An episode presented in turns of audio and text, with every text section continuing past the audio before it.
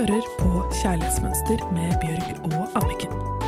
Sammen skal de hjelpe deg med å bli enda bedre kjent med den du er, slik at du kan skape det kjærlighetslivet du drømmer om og fortjener.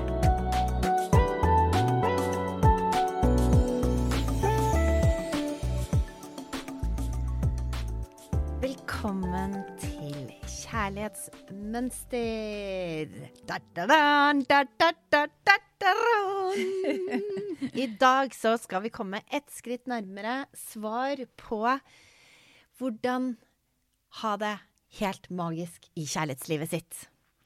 Og vi har to stykker av tre som har fått det til. Jeg er den som ikke helt har fått det til. Du er godt på vei der, Bjørg. Takk skal du ha, takk skal du ha. Det er takket være alle timene med kjærlighetsmønster.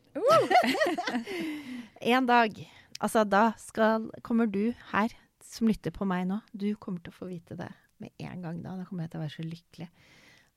Eh, men eh, det blir dere også den dagen jeg møter noen. Og tenk så heldig han blir så for deg. Han blir heldig, han. Ja. Ja, det er sant. Ingen som er så gøy som deg. Å, du, ingen er så god som du, da. Men kjære nydelige lytter. Eh, nå har vi fått inn et brev som vi leste opp høyt mellom oss tre, og da måtte vi bare stoppe Ava fra å prate altfor mye, for vi ville at hun skulle fortelle litt til deg også, for dette er akkurat sånn som hun har hatt det. Så det er veldig interessant. Hver gang vi leser opp et brev, så er det en av oss som virkelig trigger, som har opplevd det.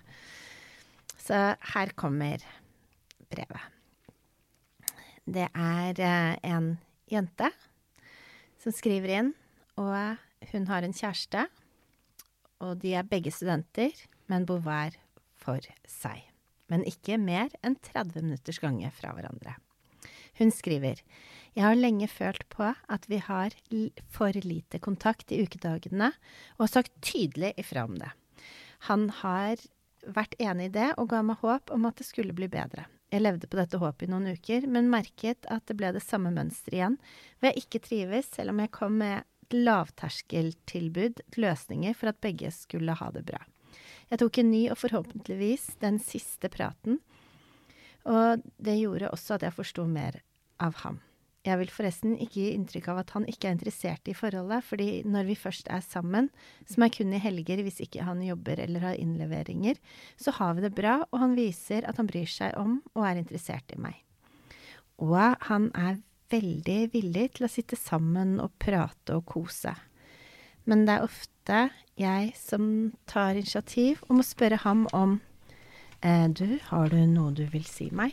Og da kommer han med det. Men tilbake til spørsmålet mitt. Så selv om vi tok den praten, så ble jeg like lei meg for at han dro hjem til seg selv etter helgen. Jeg viser det heller ikke til ham, fordi jeg tenker at nå har han tilbrakt hele helgen med meg, så da kan ikke jeg være lei meg.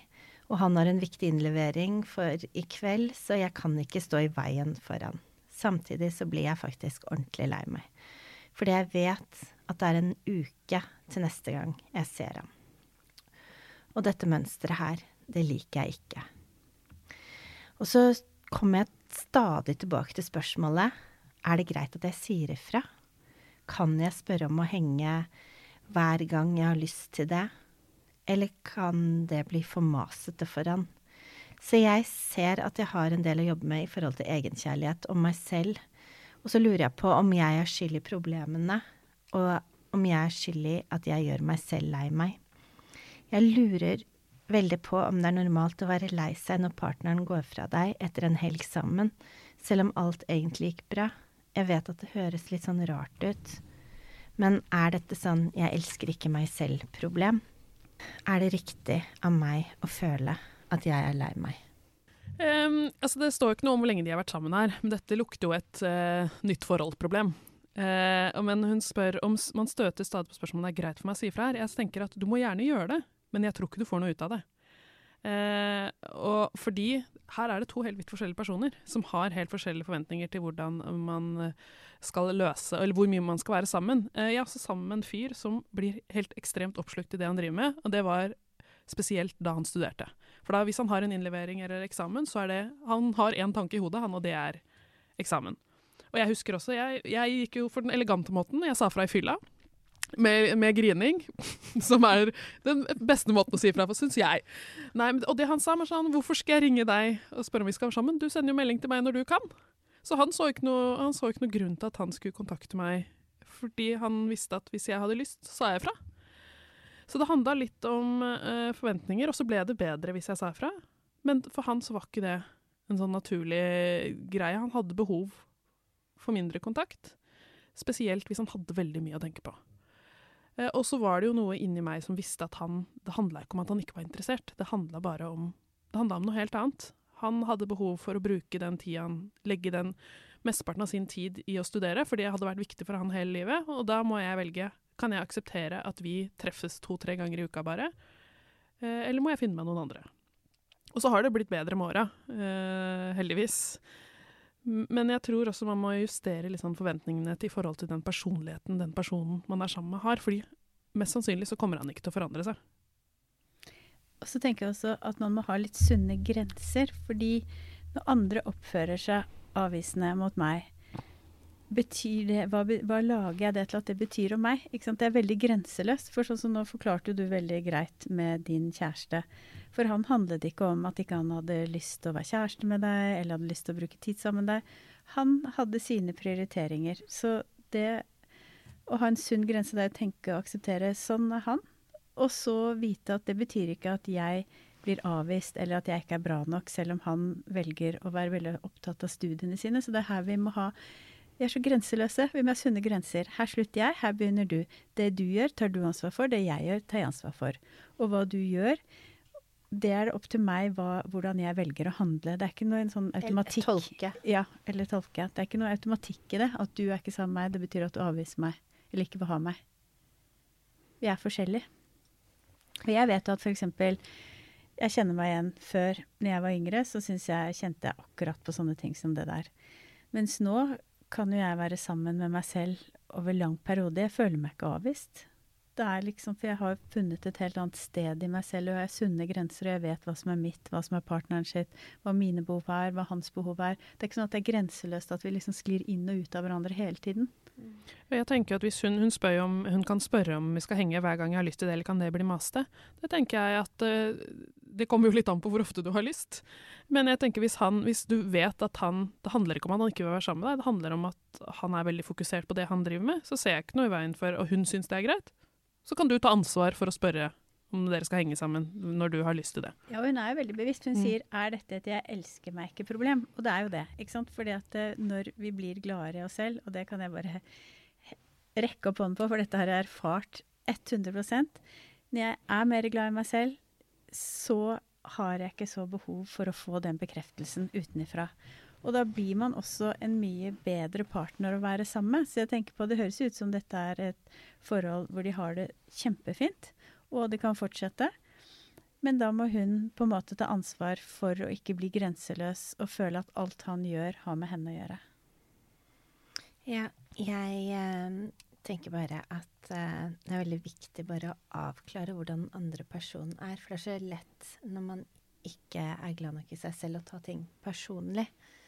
Og jeg vet at alle er forskjellige på egentid og hvor mye Så eh, jeg har en person veldig nært i livet mitt, en nær nær venn, som eh, akkurat gjorde slutt fordi at det, det var et forhold hvor hun jenta ville se han hele tiden, for hun var vant til å være i en sånn veldig nær familie hvor alle satt opp hverandre hele tiden og var sammen hele tiden. Mens han var enebarn og var veldig vant til å være mye alene og trengte mye alenetid. Og så kan det hende at det, vi passer ikke sammen, fordi at det, du har behov for masse alenetid, og jeg har behov for veldig mye sånn holde hverandre i hånden og være sammen hele tiden.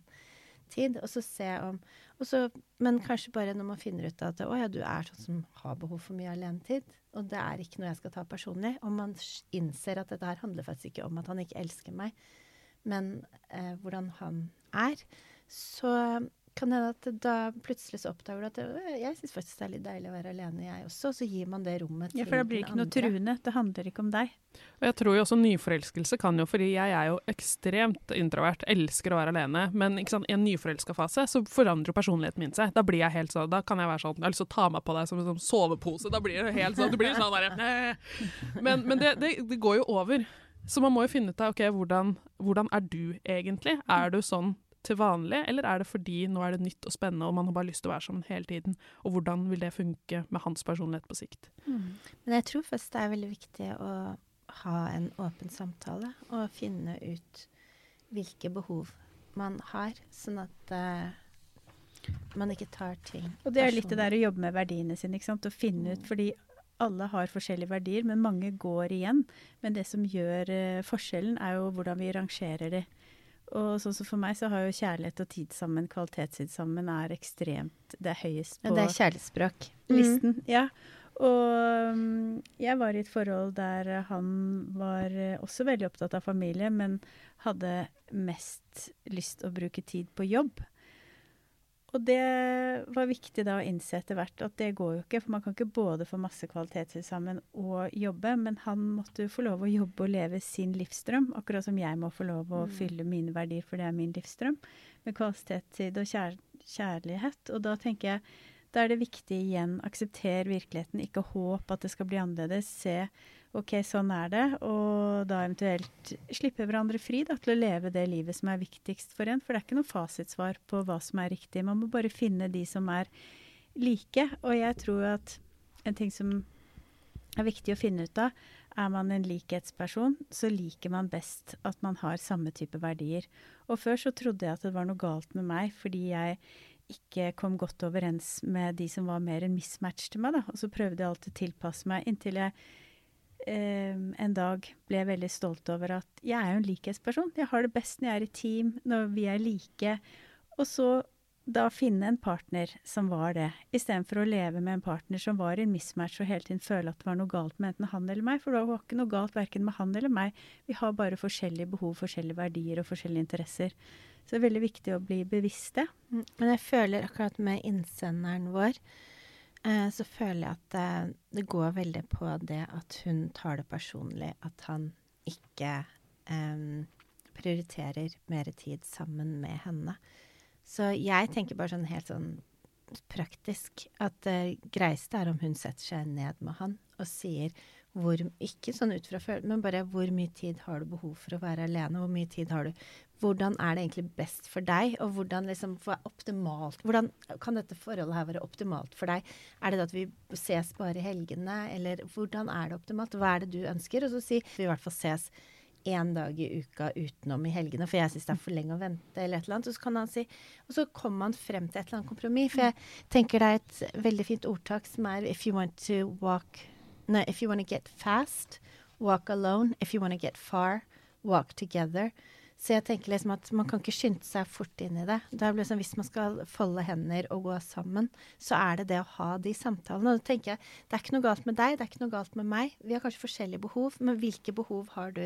Og så ha de samtalene. Men Og så tørre å stille spørsmålene direkte. fordi jeg ser jo at hun skriver at hun, uh, hun tar initiativ til samtalen og spør uh, har du noe du vil si til meg.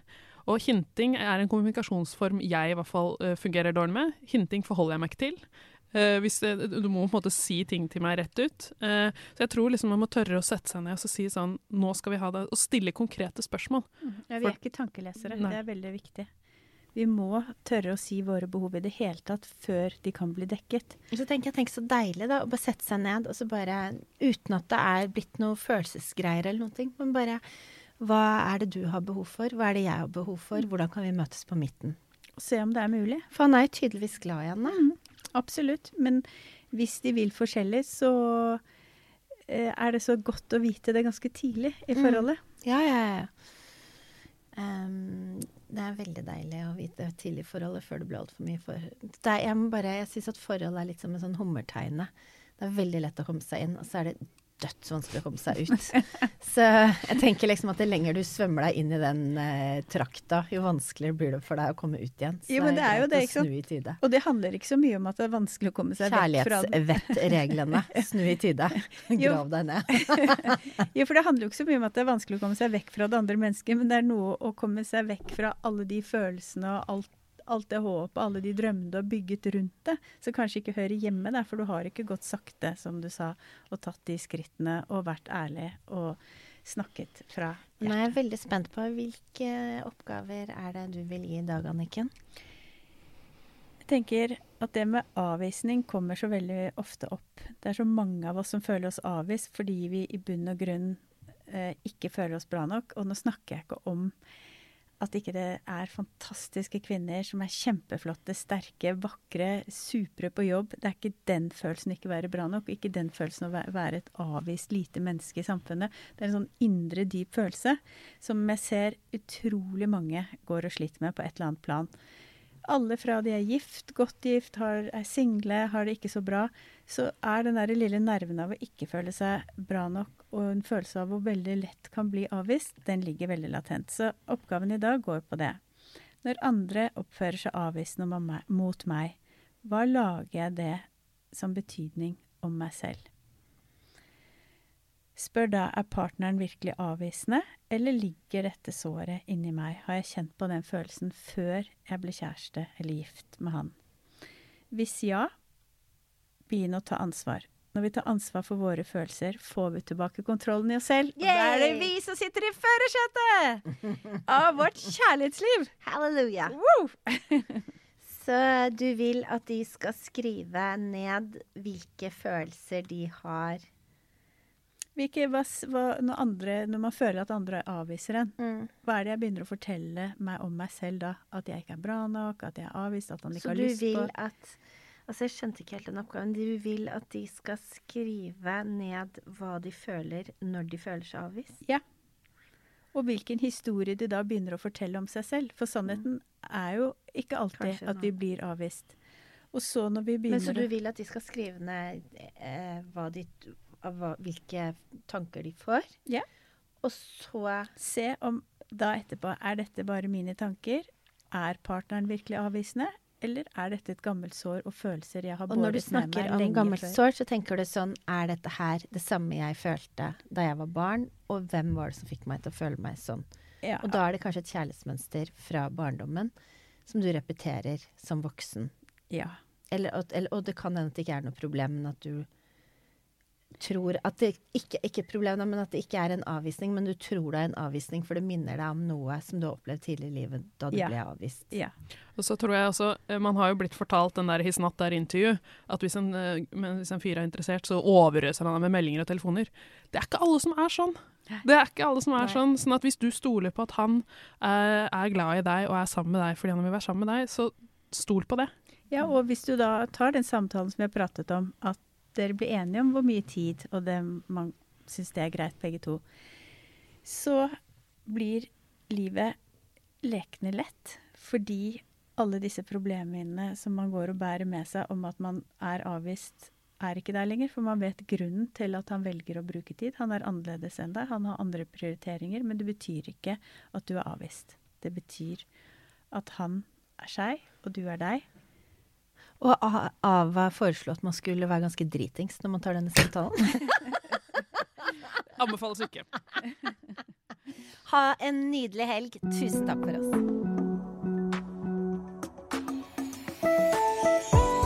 Du hørte akkurat podkasten Kjærlighetsmønster.